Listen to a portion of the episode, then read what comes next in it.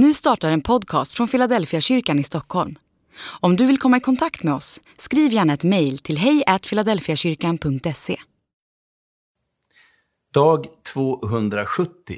Bara en sak räknas. Jag kommer ihåg när min pappa planterade ett äppelträd i trädgården hemma i Västerås. Jag minns inte vad det var för sorts äpplen, bara att de skulle vara väldigt goda och komma i riklig mängd. Enligt plantskolan där vi köpte äppelträdet skulle det ta fem år innan det kom frukt. Fem år är en lång tid att vänta när man är barn, men vi fick vänta längre än så. Det tog elva år innan det kom någon frukt på äppelträdet.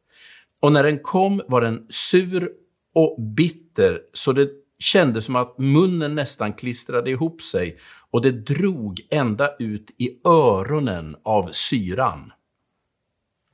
Ett äppelträd är verkligen vackert på våren när det blommar och det kan ge en hel del svalka på sommaren om det står bra till i trädgården. Min pappa skötte om vårt äppelträd och det stod där när huset såldes. Men någon större äppelskörd, det fick vi aldrig. Det är en sak med ett äppelträd i en trädgård, men det är nog lite annorlunda om det är i en odling. Om affärsidén är att odla äpplen och sälja dem, så tror jag inte att trädet hade visats lika mycket nåd som hemma hos oss. Det spelar ingen roll att äppelträdet blommar vackert eller kastar en skön skugga. Det är inte därför det finns i odlingen. Det enda som motiverar en äppelodlare, äppelodlare att ha kvar ett träd, det är själva äpplena. Den avgörande frågan i liknelsen om fikonträdet handlar om frukt. Bara en sak är till sist viktig. Finns det frukt?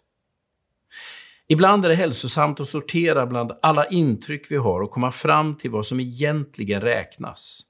Det är inte storleken på trädet, inte hur mäktigt lövverk det har eller hur gammalt det är. Det som är avgörande i slutänden är frukten.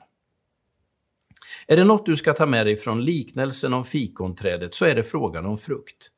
Jesus själv säger till sina lärjungar, ni har inte utvalt mig, utan jag har utvalt er och bestämt er till att gå ut i världen och bära frukt, frukt som består.